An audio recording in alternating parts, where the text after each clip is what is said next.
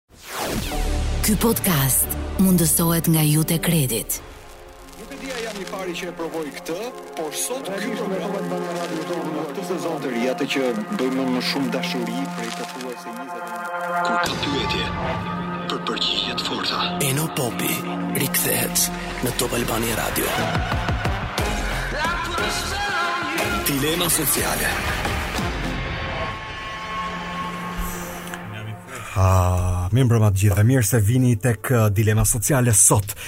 Mund të kishte qenë një tjetër skenar i kësaj tente. Si mund të kishte qenë skenari? Sot u paralajmërua ose më saktë dje u paralajmërua se do të ndodhte ndoshta prej sot që do të kishim një kufizim orari në qytetet më problematike me numrat e Covidit. Do të mbyllej diçka 2 uh, orë më herët se ora policore ora 20, pra do të ulej ora policore në orën 18, pra në orën 6 Dhe fundjavat do të na rikthenin mbyllje në shtëpi si dikur. Fiks si sot një vit përpara. Megjithatë, nga propozimet e djeshme deri tek vendimmarrja e sotme, asnjë nga këto skenare nuk ndodhi. Thjesht vazhdojmë njësoj me të njëjtën pikturë, me kufizimet parciale, me kontrolle të diskutueshme se si bëhen dhe si si shiten mediatikisht punë gjobash, apo lënie në dorë të ndërgjegjes së qytetarit që ruaju vetë edhe kur merr autobusin urban. Fauçi jonë në Tiranë, doktoresha Rakacolli, sot në komisionin teknik, tha se um, kushdo që vazhdon uh, jetën normale gjatë ditës, bëj çik kujdes uh, nëpër këto vendet ku shkon apo zgjidhe orarin mirë kur e merr autobuzin. Por tha dhe se numrat po ulen. Megjithatë këto dy javë në fakt ka qenë komplet tjetër histori. Këto dy javë ne kemi dëgjuar për raportime nga spitalet se situata është më dramatike. Në pavionet e Tiranës dhe ato rajonale kanë qenë të gjithë shtretërit plot, pa llogaritur që ata që kurohen në shtëpi dhe që trajtimin spitalor e marrin si trajtim ambulator. Dhe ky është fakt në fakt që edhe mjekët e Komisionit Teknik e dinë mirë dhe e jetojnë çdo ditë. Por zërat e shtuar për masa më shtrënguese në emër të shëndetit dhe kujdesit që uh, ato variante që janë dhe po qarkullojnë të pengohen përhapjen, kanë bërë që diskutimi të ndizet publikisht. Nëse Shqipëria a e përballon dot një mbyllje apo një shtrëngim tjetër? Në Top Albania Radio ne kemi anketuar mbi 1000 persona. Dhe sondazhi që a mendoni se kufizimet e orës policore Nëse do të vendoseshin me një ulje të orës policore, me një tjetër mbyllje mund të ishin fatale jo vetëm psikologjikisht, por edhe ekonomikisht. 67% janë përgjigjur nuk duhet të mbyllemi më. Dhe 33% thonë se do të ishte vendimi i duhur për një mbyllje për të ruajtur shëndetin publik dhe veten. Mes lodhjes për shtrëngim biznesi i cili vuan konsumin edhe me paranë e dobësuar, Puna vazhdon në plan të parë. Por kujdesi është i diskutueshëm. Këtu kujdesi është i diskutueshëm. Edhe ata që ofrojnë biznesin dhe përpiqen që të qarkullojnë bëjnë xhiro ditore, të mbajnë familjet e tyre etj, etj, çfarë kujdesi bëjnë për njerëzit. Dhe nëse po ashtu njerëzit janë të ndarë në këtë pikëpyetje mes diskutimit publik që japin zë vazhdimisht që nga kostot financiare që do të vuante biznesi në rast mbyllje deri tek të punësuarit që kush do t'i paguante kostot ditore të jetesës nëse dalin pa punë. kostot politike që do të reflektoheshin në zgjedhje nga lodhja popullore, apo deri tek ato që ë uh, kemi të gjithë që po heqim në kurriz kostot shëndetësore nga mosrespektimi i masave po ashtu publikisht nga pjesa më e madhe e qytetarëve. Unë sot në studio kam uh, Enio Civicin, me të do të flas vetëm pas pak. Enio është ekspert i ekonomisë, por në, në një qasje jo vetëm i ekonomisë tregut, por edhe i qasjes ekonomisë politike për të kuptuar pak më shumë se nëse A mund të kishte një faturë politike kjo maxhorancë nëse fjala vjen për shembull biznesit do t'i ngushtohej laku më shumë se kaq. Pastaj do të flas, do të tentoj të lidhem me profesor Pëllumb Piperon, do të tentoj të lidhem në gjithë angazhimet e veta, por uh, nëse uh, profesor Pipero nuk e marrim do të kam përshtypjen që më shumë pastaj për ndikimin impaktimin direkt çfarë do të kishte ndodhur me një skenar të mundshëm do të jetë Enri Jahaj nga shoqata e bareve, restoranteve dhe këtyre që janë bizneset që mbajnë shtresën e mesme e pjesën familjare. Dhe po ashtu më vjen në studio sot doktor Alimehmeti, Ilir Alimehmeti, i cili është epidemiolog klinik, për të treguar se si ka mundësi që kur ka zëra të shtuar të mjekëve më specialistëve që thoshin do duhej të kishim shkuar në masa më shtrënguese.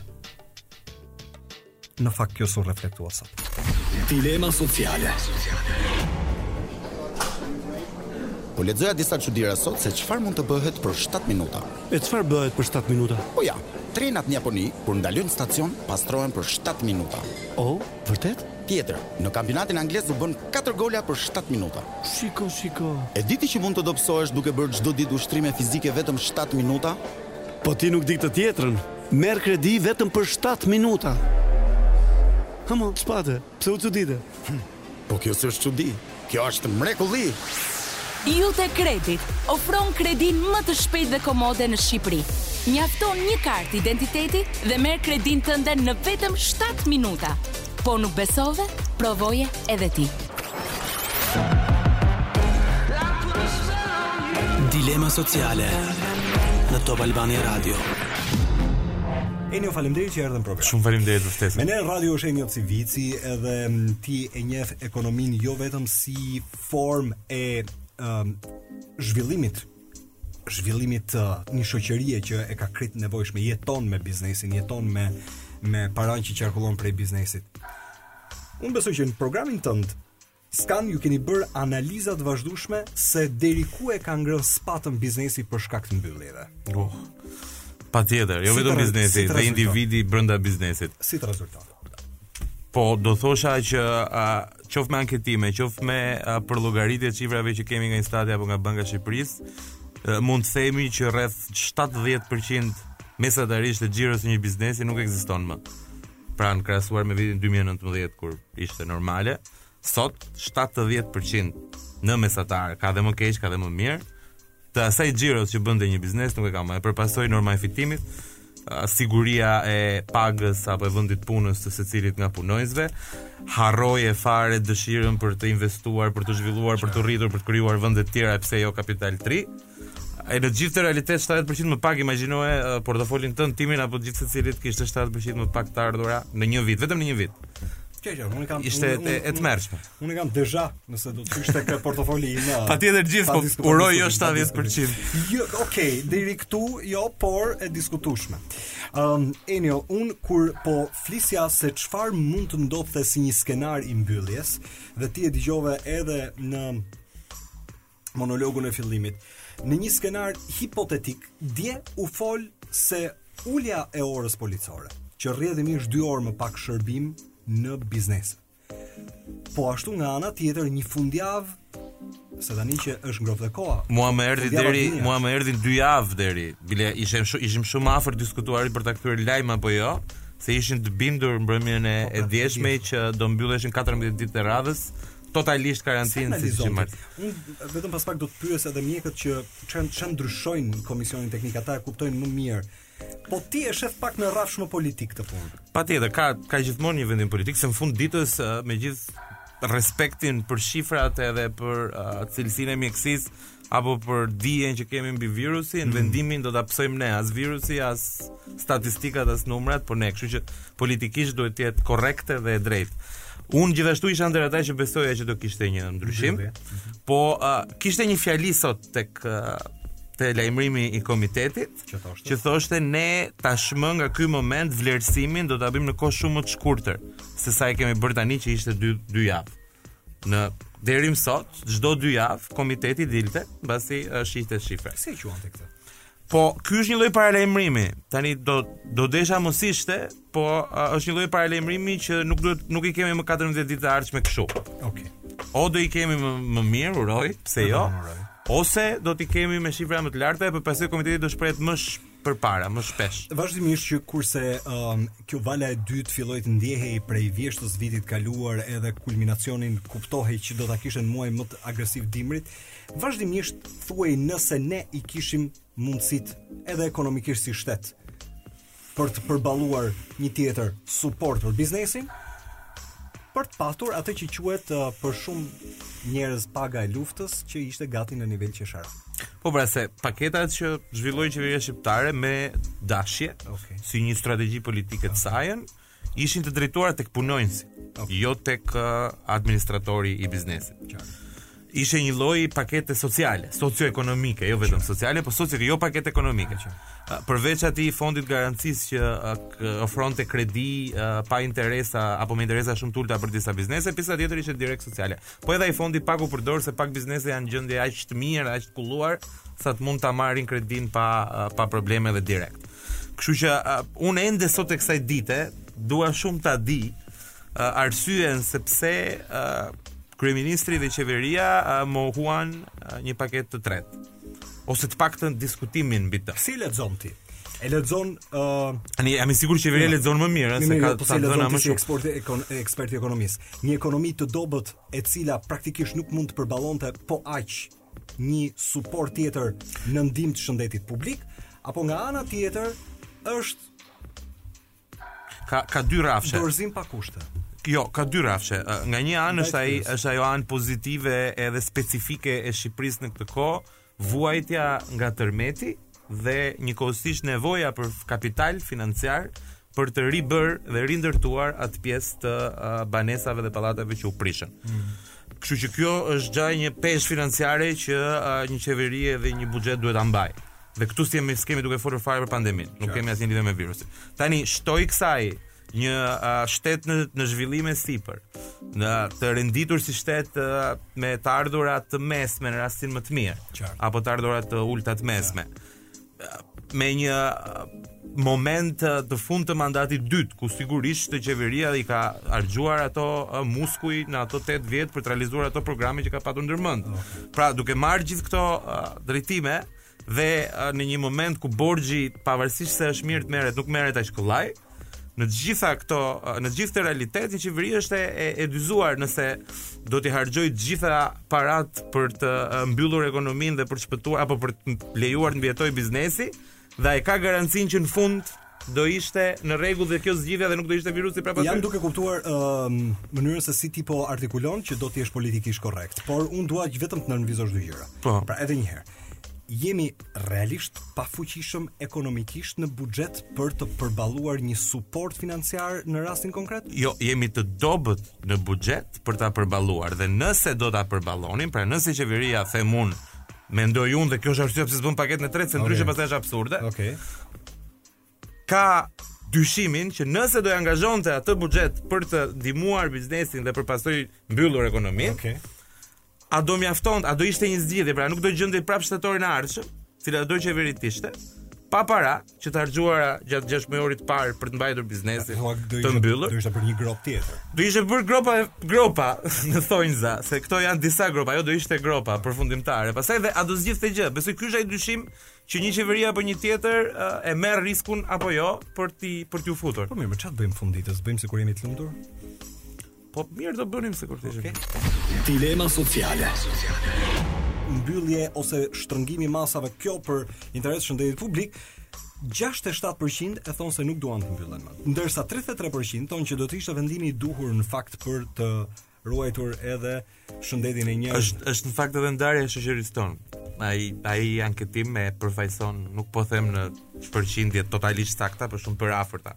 Pra sipas atij anketimi 1 në 3 persona është aq i qetë financiarisht sa mundet të përballojë dy javë pa krijuar të ardhura ose minimalisht i përgjysmojë ato të ardhura që krijon normalisht. Megjithatë Enio, unë nuk uh, flas pak tani në nivel të xhepit personal, se po, sa pra, pra, dua dua dua ta ngre pak diskutimin ah, tek okay, okay. jo, dua ta ngre pak diskutimin në nivel edhe më politik. Ka plot nga ata që besojnë se kjo mund të ishte kthyer një kosto elektorale për maxhorancën sot. Ka plot nga ata që mendojnë pa Po, është e padiskutueshme, kushdo që do ta mohonte dhe në kushdo që do ta mohonte nga maxhoranca do ishte gabim. në qenie njerëzore nëse ti e mbyll në shtëpi për okay. 1 milion arsye, okay. sigurisht që nuk do jetë dashamirësi yt më i madh. Vër këtu realitetin që është qeveria që ta bën. Po si ka mundësi që unë e kuptoj, sigurisht është kosto politike. Qenia njerëzore është egoiste.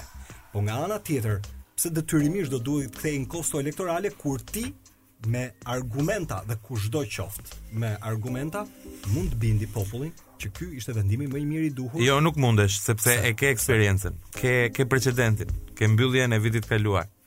Ai ta prish gjithë këtë punë. Këtë herë sikur mos ndodhte ajo mm. që ndodhi nga padija, si ke nesër gjithë botën, okay.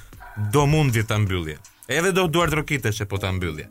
Tani kur ti e vuajte dy javë, edhe një vit tashmë, Dhe s'ndryshoi asgjë. Është kthehet vetëm kosto dhe mërzi. Atëherë ç'do me thënë, ne shkojmë tek imuniteti i tufës me një sy mbyllur, me një uh, me imunitet që do dojë 10 vjet. Uroj mos ta mos t'ia lëm imunitetin. Ku po shkojmë?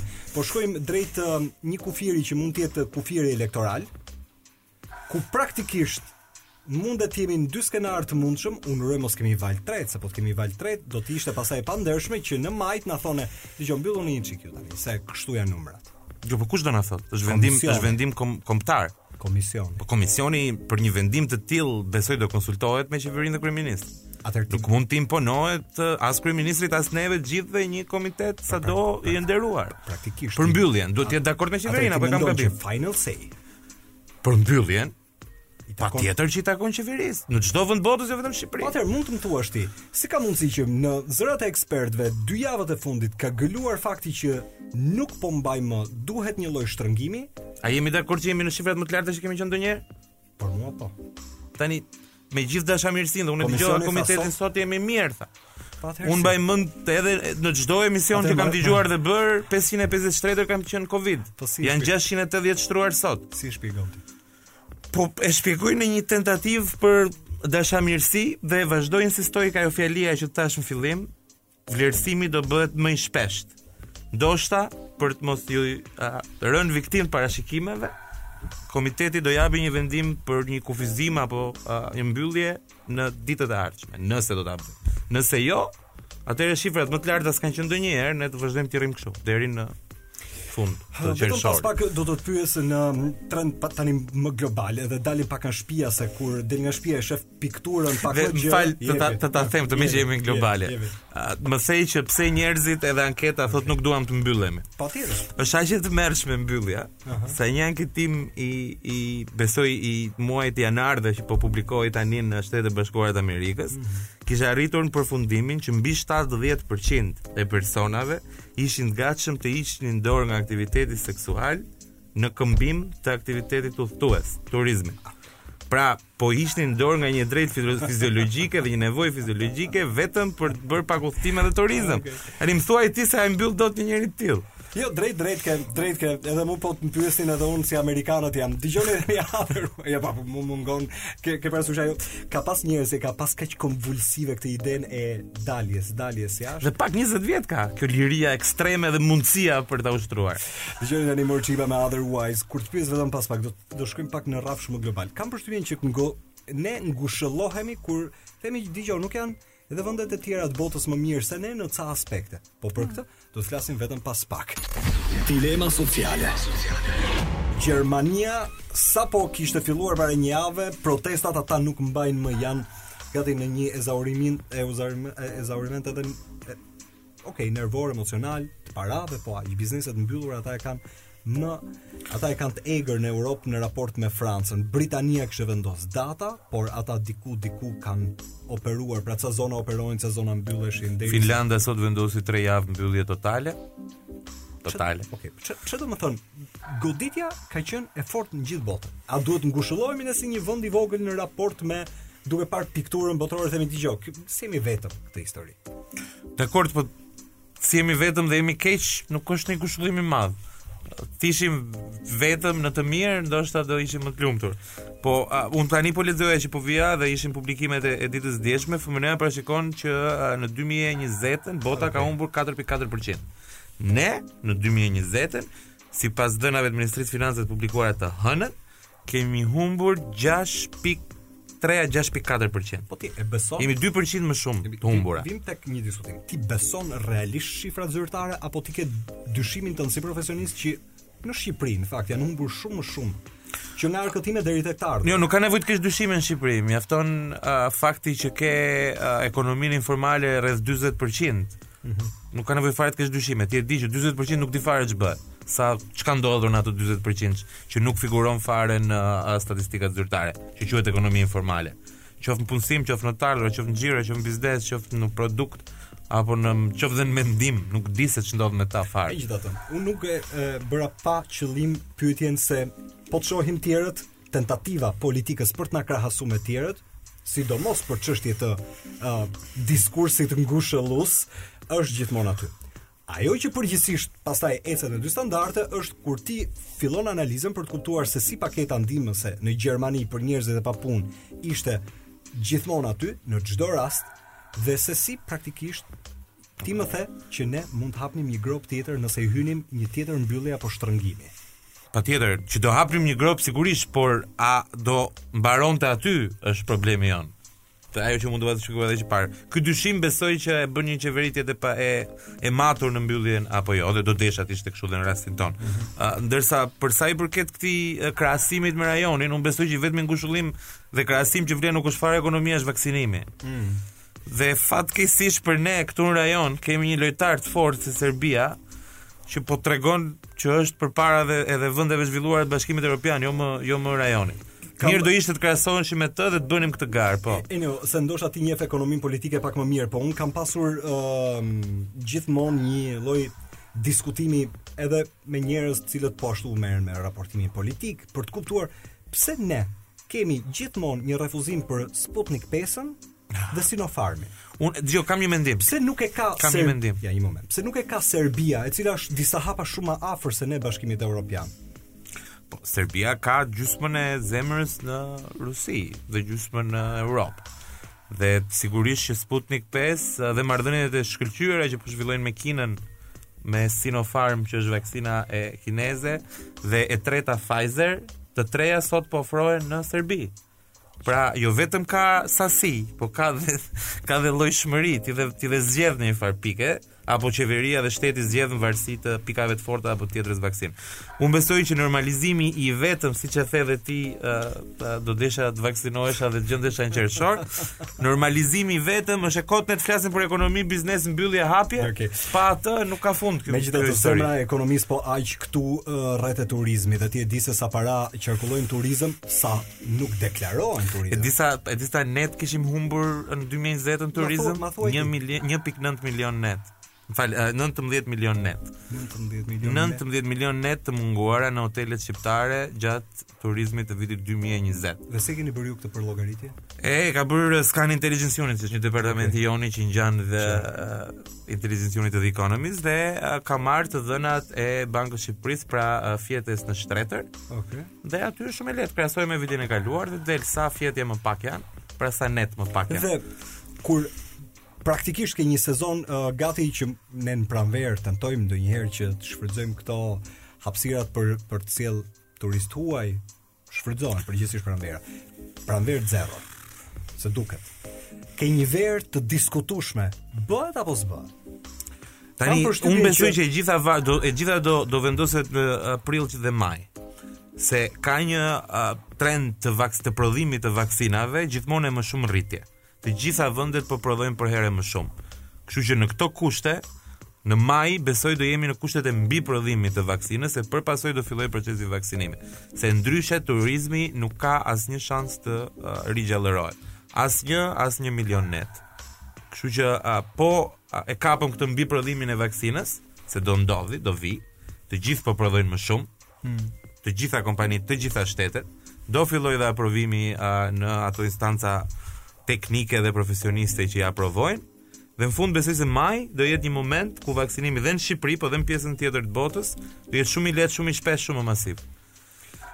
Megjithatë, edhe një herë, dukej si ë uh, pra tipit periudha midis shkurtit edhe marsit kur ti dëgjoje se çfarë po ndodhte, dukej si një projeksion gati i trisht i pushimeve ku shumë vende mund t'i anullojnë dhe po aq një turizmi veror i cili do të jetë goditur. Ti e di se si u sajuam ne vjet. Njësoj do jemi edhe këtë vit. Pa pa asnjë dyshim. Nuk ka asnjë indikator që, që të tregojë të kundërtën. Nuk ka. Pra asnjë. Pra ti thua ne na rroft turizmi që vjen nga Kosova. Rroft dhe u shtoft. U shtoft turizmi nga Kosova. Por ti mendon që do të jetë fotografi e njëjtë. Po tani imagjino një francez që ka vuajtur për 2 vjet njësoj si ne dhe duhet vendosi midis pushimeve në bregdetin e tij ku dhe shteti i thot po bëj këtu dhe një vendi në zhvillim e sipër problematik si ne. Dhe kjo është pyetja. Çfarë do bënte? A do të ishte e nevojshme Enio mendon ti kjo pasaporta e shëndetit me pa, ose pasaporta e vaksinimit që po flitet si një mundësi për të udhëtuar se s'bën? se po të ktheheshim tek varianti amerikan, un hiqja dorë vetëm për të udhëtu. Po kam frikë se jo kam frikë se edhe po të hiq dorë pra do të kërkojnë pasaport, kështu që më duhet vaksinë. Kjo kjo do jetë një luftë e tmerrshme midis disa lloj popujve, disa lloj shtetesh, zakonisht atyre të pasur dhe atyre të varfër po, siç do gjithmonë. Bie që ne do ngelemi. Po, me sa po kuptoj është e pashmangshme. Jo, jo, jo, jo, absolutisht. Ne jemi jemi si veshka mes dhjamit dhe mes Bashkimit evropian nuk do të shpëtojmë dot pa vaksinim. Po, unë nuk e di, pa diskutim inshallah vjen sa më shpejt, po ideja. Kur do të vi do vi. Ne jemi të rrethuar nga Greqia e Italia nuk shkojmë dot, nëse do ketë një vendim në blok të unionit që të pavaksinum s'do futet asnjë, Kam përshtypjen që ne do jemi të izoluar. Kjo do ndodhi vetëm kur ata të jenë mbi gjysma të vaksinuar. S'e di. Se ndryshe s'ka kuptim. Nga ana tjetër, Kroacia mund të na vendosë traun, ne do të na, si me thon, do i gëzohemi vetëm Budvës në një sens, edhe që mund të vendosin një bregdeti ton po e poshtë sa mirë që e kemi po kush do me ndroj ndroj pak ajër do shkoj deri në Mal të Zi maksimum do shkoj më shumë Po, ose do i futet andrallave të lëvizjes me 700 kontrole, tampone çdo dy avione etj etj. Po, besoj se ishte do ishte mirë që dhe këtë vit t'i bënim pushimet këtu, t'i japim një dorë vendit ton, t'i japim një dorë vetes ton. Në fund ditës se ato para që ne do harxojmë Shqipëri gjatë turizmit do na kthehen mbrapsht pagat, bizneset tona gjatë dimrit. Dhe kjo duhet kuptuar mirë dhe sa mirë që e the për ta mbyllur edhe një herë. Ti mendon se si input, qoftë edhe një input i dobët, i vakët, se kur njerëzit nuk kanë para, prapë më mirë se asgjë. Më mirë se asgjë. Pra nëse pikon diçka, prapë diku do ketë rezultat. Praktikisht duke i bërë pushimet dhe duke shpenzuar në Shqipëri në këtë moment, okay, nuk po them gjithmonë, jemi duke ndihmuar veten, jo atë që po i blen. Unë të falenderoj që erdhe në program. Shumë faleminderit për ftesën. Ëm, uh, ishte interesante për të dëgjuar ty në një aspekt si me thënë, të analizës diku ekonomike, shumë më shumë ekonomike, diku politike, po aq edhe krahasimisht me botën ku jemi ne. Um, shumë suksese me gjërat e përditshme. Faleminderit. Ndërkohë, um, vetëm pas pak unë do të tentoj teksa pres uh, doktor uh, Ali Mehmetin që uh, të më vijë në program. Ndërkohë, po ashtu do të tentoj vazhdimisht të merrem me doktor Piperon edhe pse kam përshtypjen që ë uh, mund të jetë në punë në pavijon me telefon të mbyllur. ë uh, do të flas me uh, një zotëri i cili ka dhënë zë që nga koha e mbylljes edhe e pandemisë uh, biznesit uh, le të themi familjar edhe social në raport me baret edhe restorantet. Quhet Enri Jahaj. Unë e kuptoj që ata e vuajnë në një sens, po shumë akuzojnë pikërisht këto biznese për shtimin masiv të numrave. Dikush vërtet punon ndershëm, por pjesa më e madhe jo. Dilema sociale.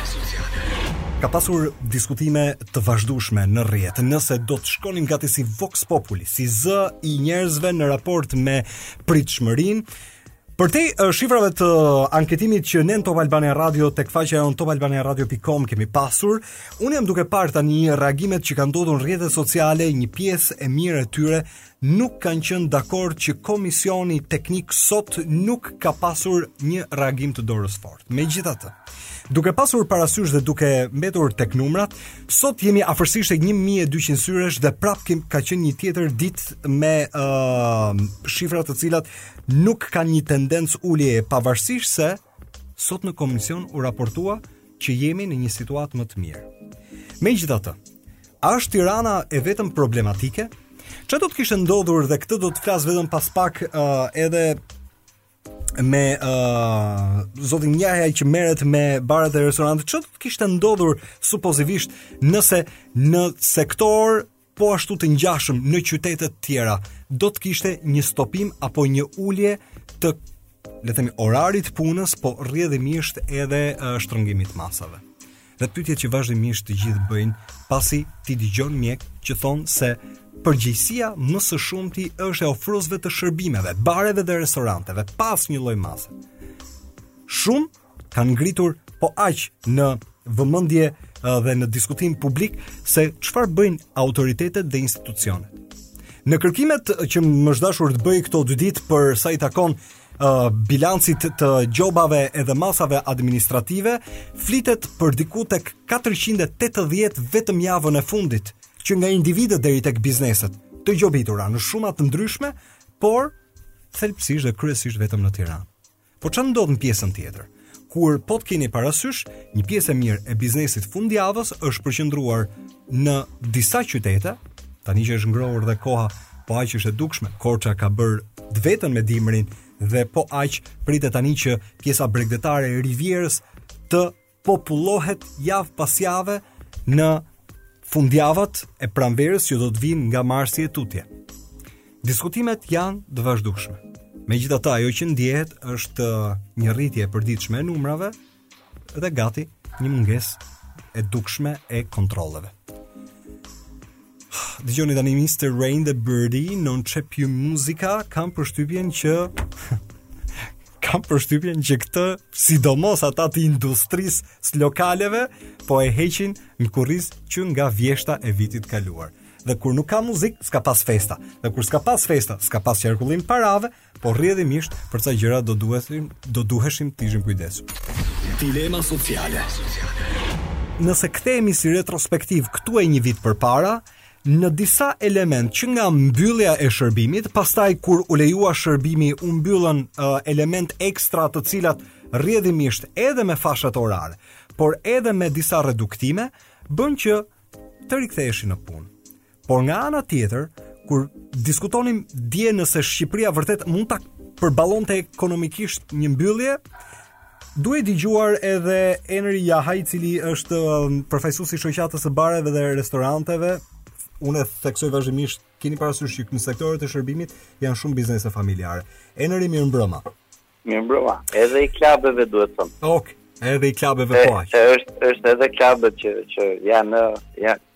janë më në mëshirë të fatit se ne.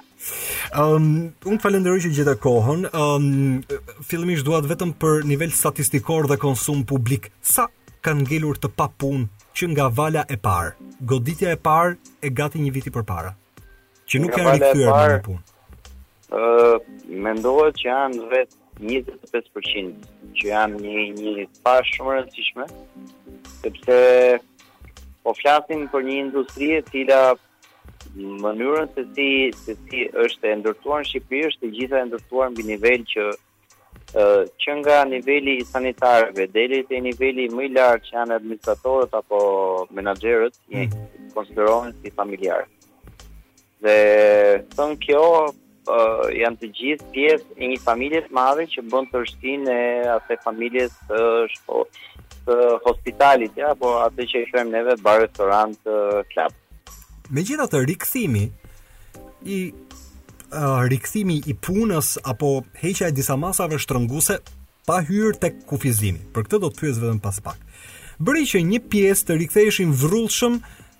për të rikuperuar financiarisht dhe ato humbje të muajve të mbylljes. A ka qenë i sakt ose është i sakt ky perceptimi im apo nuk është kështu? Ngritja ka qenë e avashtë. Jo, absolutisht, sepse neve ishim të parët që u mbyllëm dhe të fundit që u hapëm. Dhe përpos u bë një PR shumë i keq Për sa i përket ë ë le të themi fashës të biznesit tonë, u bë një PR shumë i keq dhe vazhdon të bëhet qoftë nga qeveria, qoftë nga të gjithë strukturat edhe nga vetë njerëzit dhe momentalisht neve jemi si si ata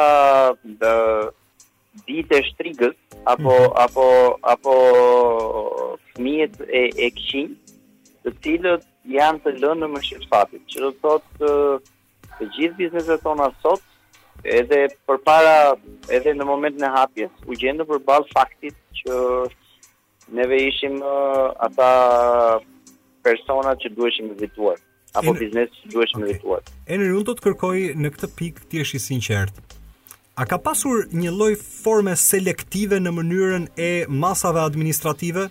Po të shohsh edhe po të po. konsumosh, një moment. Ta them, ta them me me bindje të plotë. Po. Që do të thotë se disa janë gjobitur dhe disa janë lënë punojnë? Po, absolutisht po, dhe kjo është fare thjeshtë për të gjithë dëgjuesit tuaj, mm. për të mm. qenë i sinqertë. Ka disa qytete nëpër Shqipëri, të cilat uh, vazhdojnë funksionojnë edhe mbas fashës orare dhe uh, njerëzit uh, që të gjithë dëgjuesit dëgjojnë dëgjuesit tuaj, do pohonin e do thonin po me me, me forcisht. Mua duke qenë që nuk më lejohet uh, ta them me zë të lartë, Më lejohet thjesht ta ta pohoj. Më duhet të them që po, është një është një është një selektim i keq që është bërë për nivel qyt, qytetesh dhe për nivel biznesesh. Po mirë, uh, sido që të jetë Enri, nëse ti më flet që kontrollet më të dukshme, qoftë edhe për konsum publik kanë qenë në Tiranë, uh, në Hajt po po po e hapim krahun. Ti je duke më thënë që Korça fjala jo, vjen jo për shumë ka jo punuar, jo vetëm, jo ka punuar pa tira. kontroll, Vlora ka punuar pa kontroll? Po. Këtë këtë mund ta pohojmë fare thjesht, por përveç kësaj unë do të thoja që më së shumti kontrollet kryesisht janë zhvilluar në pjesën e bllokut dhe në atë që ashtuquajtur rrugica e Salës. Okay. Dhe pjesa tjetër e qytetit është komplet e lënë jashtë kontrollit dhe e lënë në një mënyrë në një mënyrë le të themi të pakontrolluar dhe të të të vetëdeklaruar ose të të vetëkontrolluar. Megjithatë, si qytetar un duhet të herë pas here të bashkohem me opinionin e mjekëve që ka ë po aq një ë uh, lloj mosrespektimi edhe të administrimit të brendshëm të bizneseve të shërbimit, bare, restorante. Ëm um, në mënyrën se si ofron. Jam shumë dakord me ty. Pikërisht. Më fal, më fal që më fal që të ndërpres. Po. Por ë uh, mua më vjen shumë keq që Unë fitova një bast të vënë para dy javësh dhe ku thashë dhe ku të kam deklaruar në mënyrë publike kam thënë nëse shifrat do të bien për këto dy javë që po bëhet ky penalizim apo ky uh, kontroll ky uh, le të themi kjo fashë orare që po ulet ora policore nga ora 22 në orën 20 Mm -hmm. Në qoftë se shifrat do të bien, atëherë jemi ne vërtet shpërndarësit e e virusit. Por ndërkohë nuk po, ndodhi kështu dhe, dhe edhe një herë. Shifrat nuk kanë. Më vjen keq, më vjen keq ta them, sepse nuk është, domethënë është një bast që un nuk do doja kurrsesi ta ta kisha fituar, më, më kupto drejt. Po pra. Domethënë se është një është, është një gjë që është në në kurrizin e gjithëve neve. Mos mos më keqkupto që okay. është është ajo gjëja që un jam un jam kështu tani që po them Haleluja që unë fitova. Jo, absolutisht, ndihem shumë keq. Por them kjo, absolutisht që them që nuk jemi neve të vetmit ata që bëjnë transmetimin e virusit. Qartë, e kuptoj. Ashtu si si si u përfol dhe ashtu si u si u marketua. Virusi nuk gjendet nën banak. Unë e kuptoj që ju nuk e nxirrni nga banaku dhe ia servirni, po mirë, pra, këtu flasim për një nivel, ë, uh, një nivel uh, normal të arsyetimit. Nuk po flasim as po. për populizëm kot, as për llafe në erë. Ajo okay. që po diskutojmë është që nëse do të kishte pasur një ulje të paktën deri dje, u fol që ishte diskutim gati i vendosur. Sot pritej vetëm deklarimi. Megjithatë, Komisioni Teknik ka thënë që do të mblidhen pak më shpesh për ta parë situatën ditë pas dite tani më jo me këtë frekuencën dyjavore, që do të thotë se nëse ulet deri në orën 6 pasdite. Nëse fundjavat fillojnë izolohen, ku goditeni prap ju? Po, absolutisht që goditemi prap neve dhe në fund fare goditet ajo jeta e përditshme e çdo njëri prej nesh, Dhe unë kam përshtypjen që mbas një viti në, në këtë lloj izolimi dhe këtë lloj frustrimi që të gjithë ne kemi po, po përjetojmë ditë pas dite. Qartë. Ë uh, asgjë më më tepër se sa kjo do të sjellë një një lloj uh, një lloj frustrimi mendor dhe psikologjik mendoj unë më shumë se sa pjesës së ruajtjes karshi virusit. Unë besoj që tani virusi është bërë si puna Para dy javësh dëgjova një shprehje shumë bukur që u tha ë virusi është bërë si puna e ushtrisë. Të gjithë duhet ta kalojmë në një moment të caktuar. Edhe edhe më më shumë se kaq nuk nuk po të po bëj thirrje që të gjithë tani hajde të kontaminohemi, më më kupto drejt. Por ë sido që të jetë mundësia, duke qenë që me të gjithë informacionet që na vijnë, mbajtja e maskës ose jo, apo ruajtja ose jo, të gjithë do do prekemi në një moment. Dëgjo.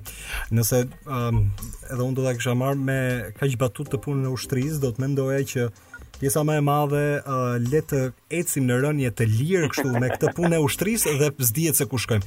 Jo, puna është që të kontrollojmë hapat gjithsecili në punën e vet një qytetar po aq te përgjegjësia personale po aq dhe një ofrues i shërbimit tek përgjegjësia komunitare e në kjo është shumë dakord jam shumë dakord por më fal më fal ja ja të ndërpres edhe këtu problemi është që ne si popull asnjëri nga ne nuk e kemi përgjegjësinë qytetare që të do të thënë të fillojmë të mendojmë jashtë vetes tonë. Neve jemi një një popull që mendojmë në një mënyrë indirekte, në mënyrë ë egoiste dhe pastaj fillojmë edhe mendojmë për komunitetin. Që do të thotë që nga hedhja e mbeturinave edhe deri më tej.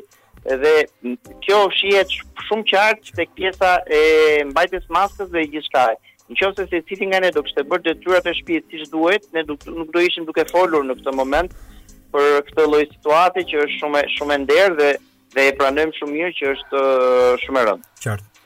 Dëgjo pak këtë se kjo është pyetja e fundit në raport me çfarë uh, diskutimesh bëhen publikisht.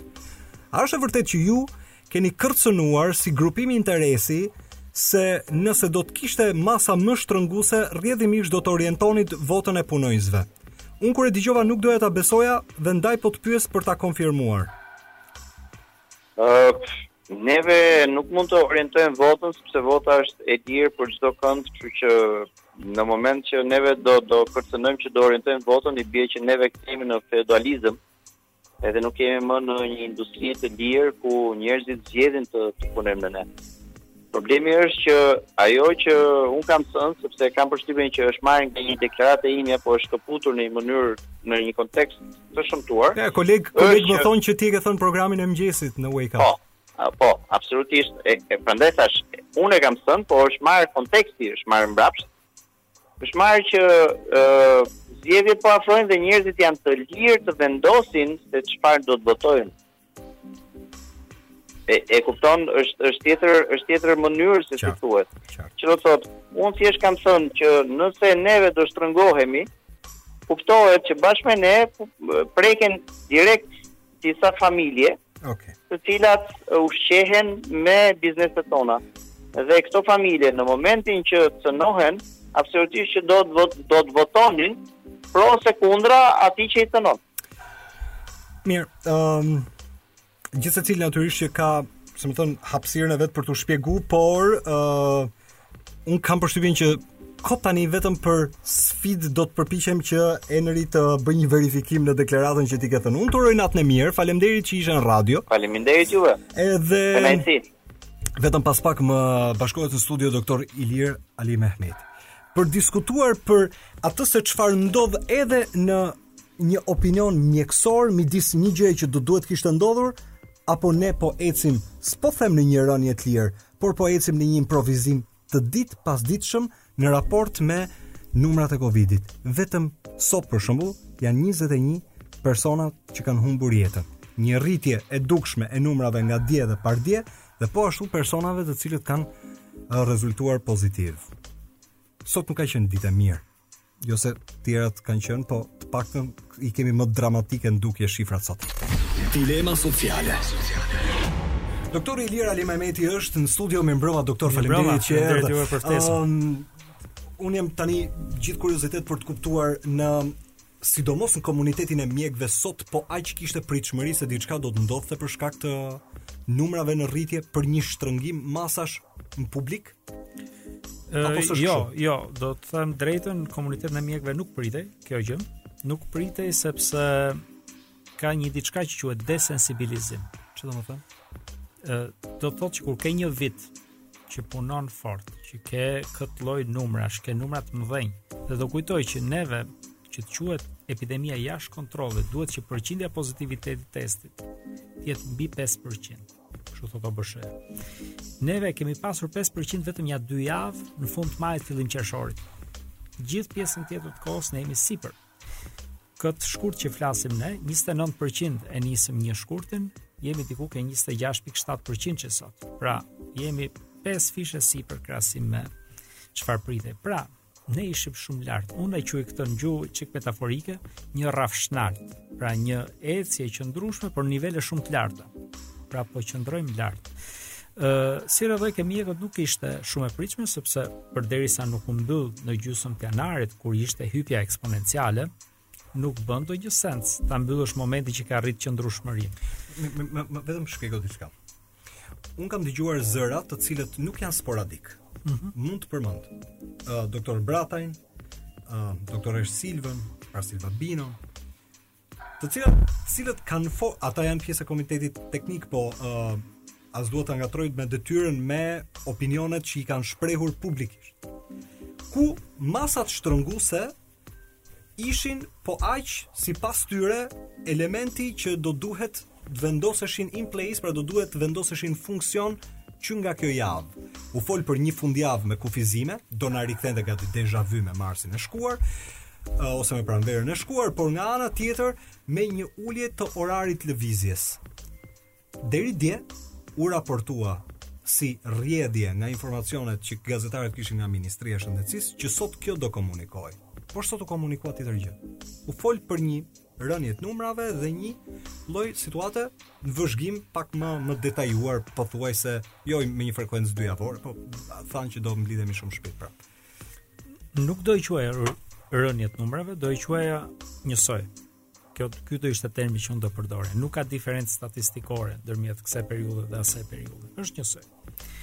Ë Por kujdes, kur ne themi masa, harrojmë një diçka, ka një koncept social çfarë themi masa. Masat nuk janë magji.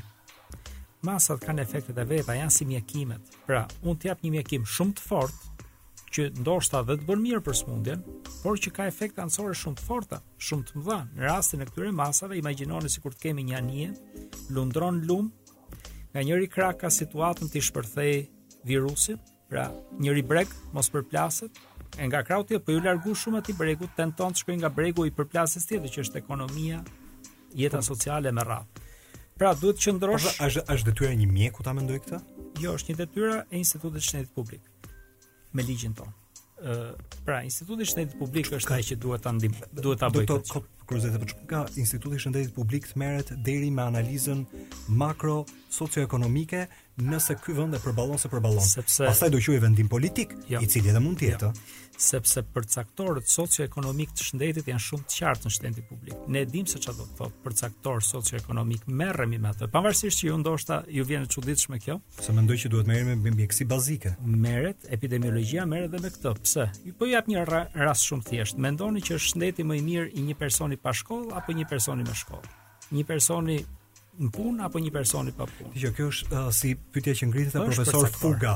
Nëse personaliteti jo, jo, jo. i një uh, akademiku vlen më shumë se personaliteti ose jeta e një akademiku a vlen më shumë se jeta e një minatori.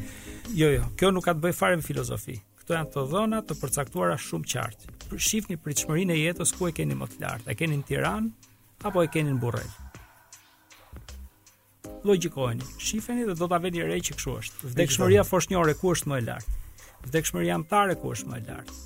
Sa më të mira kushtet sociale ekonomike, aq më të mira dhe oferta shëndetësore e si rrjedhojë gjithë parametrat. Nëse do të kishe ju do të kishe qenë në komision, që të rikthehem, do të kishe do të kishit propozuar shtrëngim masash apo Shqipëria nuk i përballon më shtrëngim? Ë, jo, Pse duhet të kthehem këtu? Po të lutem, mos ma lësh, është është çik është çik logjiki më i gjatë. Gjithkohë ajo kjo.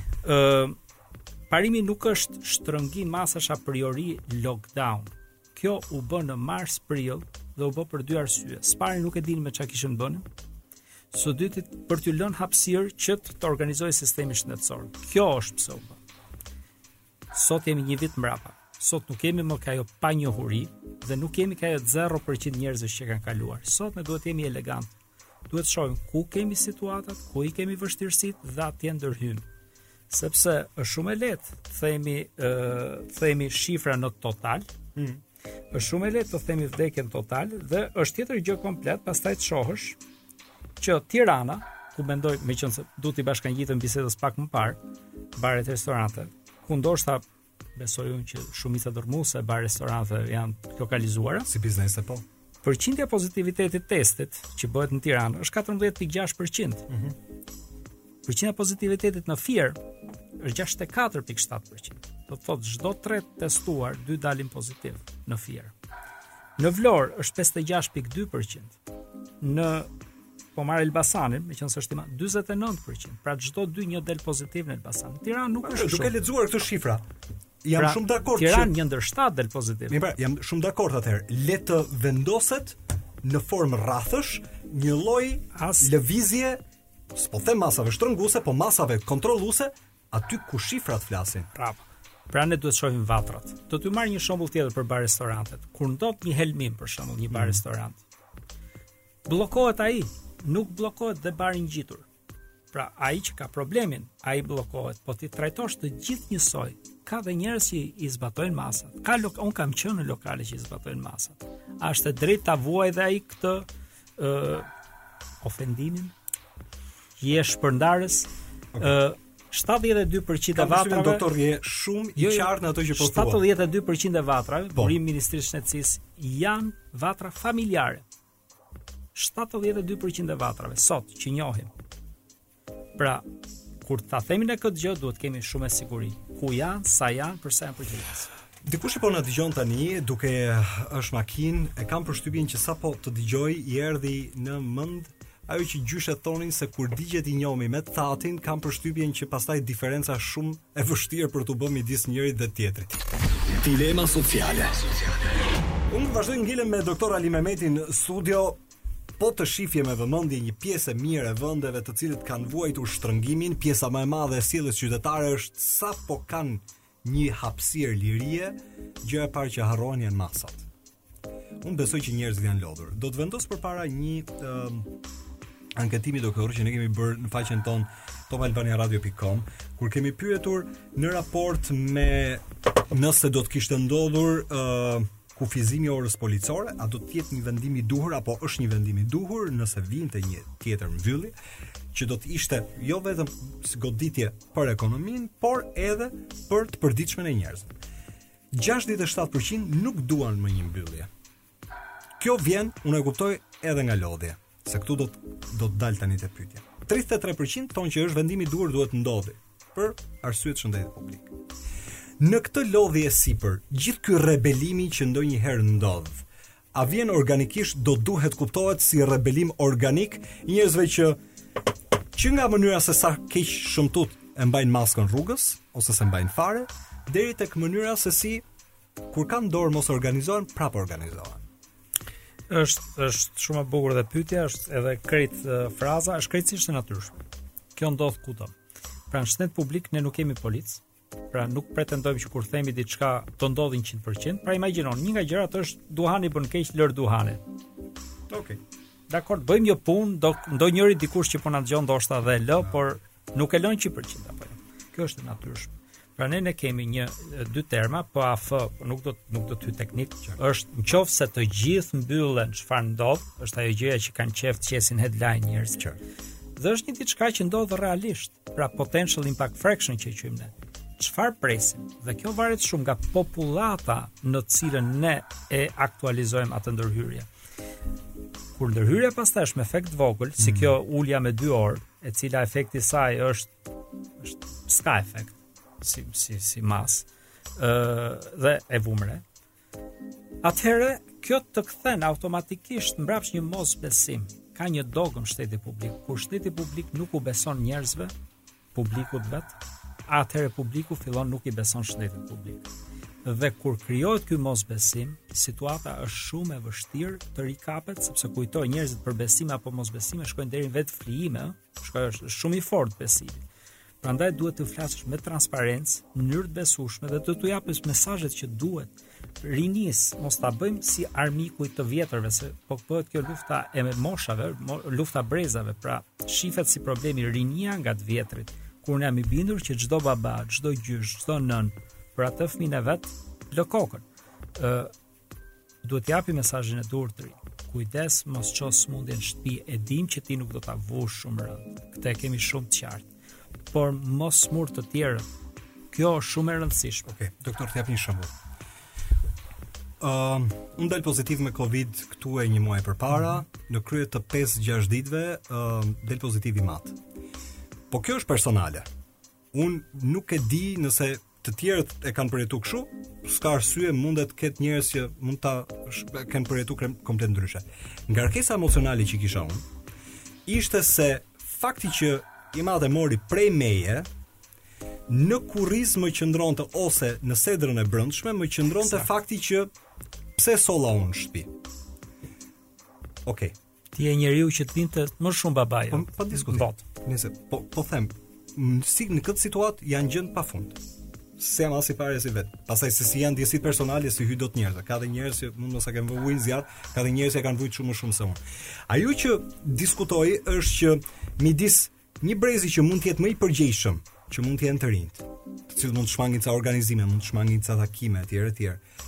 A kanë gabim doktorët që vënë theksin dhe nënvizojnë që më për, të papërgjegjshmit në gjithë këtë është një grupmoshë midis 16-18 deri në 20 kufin 29-30 pak vjeç. Kanë gabim mjekët që e bëjnë këtë? Po, pse? Pse, sepse nuk është atëherë në shëndet publik sjellja është në varësi të riskut. Të riskut të perceptuar. Çfarë do të thotë? Do të thotë që në qoftë se unë jam një grupmoshë që e di që nuk kam shumë problem me këtë, atëherë dhe kujdesi im ndaj saj është më i ulët. Quhet alert fatigue. Pra në mënyrë të vazhdueshme ti thua diçka që nuk është shumë problem. Quhet alert fatigue dhe herët a vonë ai Ndalet së dëgjuari. Ju jeni në shkencën e komunikimit dhe e dini që receptori në njëfarë pike këtë mediumin thjesht e mbyll. Thjesht nuk e dëgjon. Nuk duhet të arrinim këtë pikë se kemi arritur. Nuk duhet të arrinim këtë pikë. Duhet të jepshim mesazhe të qarta, të sigurta, transparente, të bazuara në evidencë, por jo vetëm t'ia lenim vetëm në dorë vetë këtij triut, por edhe të ndihmojmë aktivisht. Pra, kam një vatër, kam një zonë që kam vatër, po pse nuk bëj unë testime aty në mënyrë të vazhdueshme? Depistim, t'i kap të gjithë mundësisht. Jo, duhet duhet gjithmonë ti të shkosh. Pra, mund ta ndihmojmë nga të dy kahat. Kujdes. Është duke qenë më i vjetri, mm -hmm. se është dhe rëndësishme kjo. Moshat që kanë më shumë kontakte sociale, jo vetëm në Shqipëri, po kudo në glob, janë diku 20 me 50-55 vjeç. Kjo është grupmosha që shkon më shumë në punë, që ka më shumë kontakte, që ndihet dhe më i qetë. Kjo do jetë grupmosha që do ketë më shumë pozitivitet. Do të të vendos uh, tani jo në nuk dua që të gjendesh ngushtë, po nuk dua që po aq, uh, domethënë të japësh një përgjigje që nuk do. Mund të më thuash e lëmë. Patjetër. Ka pas një diskutim midis uh, Akademisë Shkencave me uh, kërkimin që doktor Alban Ylli me kolegë të tjerë bën në popullatë me po aq njerëz të komitetit ekspertëve, doktor Brataj po ta citoj, që thoshte se nëse realisht doli në pah studimi se Tirana mund të jetë afruar imunitetit të tufës, kjo ka dekurajuar publikisht, siç thoshte doktor Brataj, njerëzit që u lëshuan. Ndërkohë, Doktor Alban Ylli pretendon që me matjet dhe parametrat kërkimor ata janë shumë afër një të vërtete e cila është një kërkim shkencor. Si ke kaluar ndër të gjithë këtë diskutim? Nëse ke konflikt me njerëz si një, mund të më thuash që unë nuk përgjigjem fare. Jo. Je i lirë doktor. Jo, jo, jo. Dëgjo. Ë, Duke qenë se fatmirësisht i kam qëndruar gjithmonë larg konfliktit të interesit, mund të jem shumë i qartë në këtë diskutim. Atëherë, ky është një studim relativisht i vogël. Pse mori një interes të madh? Është sepse asnjë autoritet shtetëror nuk bëri një studim vetë. Qartë. Pra në një vit, po të na kishte thënë edhe komiteti do i besoni më shumë apo jo, jemi jemi të gjithë qartë këtu. Ti i beson studimit? Jo, do ta marr me radhë. Pra, në mungesë absolute të çfarëdo lloj informacioni mbi seroprevalencën, kudo, në çfarëdo lloj zone të Shqipërisë, kjo ishte e vetmja dritë diku. Pra, është njësoj sikur gjendesh një dhomë errësirë, ndizet një dritë qiriri, që nuk është një dritë ideale, që nuk ta tregon gjithçka, diçka shtrembrohet, ka, ka një green light, por të jep një orientim. Atëherë, ne dinim gjithë, sepse po t'i shohësh shifrat sot, 3.3 për qind e popullatës shqiptare ka kaluar virusin mas shifrave zyrtare. Do të thotë një person ndër 30. Tani mendo pak rrethin tënd familjar, shoqëror, e me radhë, një ndër 30 duhet ta ketë kaluar. Ti e din që s'është kështu. Të gjithë e dimë që s'është kështu. Kjo është një shifër shumë e lartë. Sa është fiks? Autoritetet duhet ta bëjnë një studim, është shumë e rëndësishme. Për të qenë i rëndësishëm dhe i saktë studimi, ë Do duhet ishte rastësor. Pra, këtu tani fillojmë dhe flasim për Zëmse, kush po nivele po shumë të mira. Kush po dëgjon, nuk kupton parametrat kërkimore. Pra, do të thotë që futemi në shkencë jo, jo, kërkimi. Jo, jo, shumë e thjeshtë, ta them shumë. Do të thotë që të gjithë secili nga ne ka të njëjtën mundësi që të të marrë dikush telefon dhe të thotë hajde të bësh unë ty uh, këtë analizë duke parë të dhënat, shofim ama që ka një raport femra meshkuj 1 me 2. Qartë. Do të thotë që rastësor Biçe nuk ka rënë sepse do kishte qenë 50-50 pak a shumë. Pra nuk është ka gabimet e veta ky studim. Por megjithatë na ka dekurajuar njerëzit, a mendon? Atëherë çfarëdo lloj studimi që do të tregonte një përqindje të lartë mund ta shkaktonte atë efekt. Okay sepse ka një shprehje në alpinizëm, momenti më i keq, më i rrezikshëm kur je në mal është zbritja. Aty ndodhin aksidentet. Sipas teje jemi larg imunitetit tufës. Jo dhe aq shumë larg. Okej. Okay. Unë të falenderoj që erdhe në program. Kujdes për disa zona të caktuara dhe për disa grupmosha të caktuara. Ishte kënaqësi, uh, unë vazhdimisht i kam përcjellë me gjithë daljet publike, gati më duket sikur uh, Ti ke një kështu një agjendë ditore për konsulenca publike me studio televizive, Edhe thashë me vete kur të mora në telefon thashë a, a, a je i lirë këtë të enjte? Jo, Fatmirësisht isha, ah, okay. uh, por është pjesë e komunikim, komunikimi është pjesë e shëndetit Unë të falenderoj shumë. Duhet njerëzit njerëzit ta kuptojnë ku jemi. Unë të falenderoj shumë, doktor Gjerë.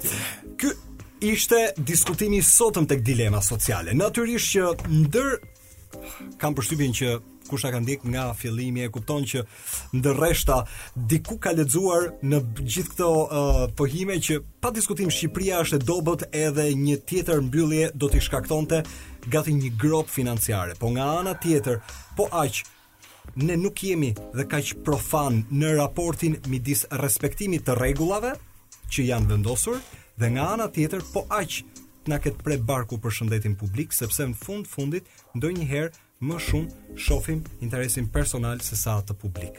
Por nga ana tjetër, që së paku jemi një vend që do duhet të marrim ose të pritshmëria për disa masa ishte e lartë, kjo ka qenë e lexueshme sot në të gjitha bisedat që kam bërë. Uh, ne kemi ardhur në fund. Kjo ishte dilema sociale për sot. Natën e mirë, ne dëgjohemi ditën e shtunë. Ky podcast u mundësua nga Iute Credit.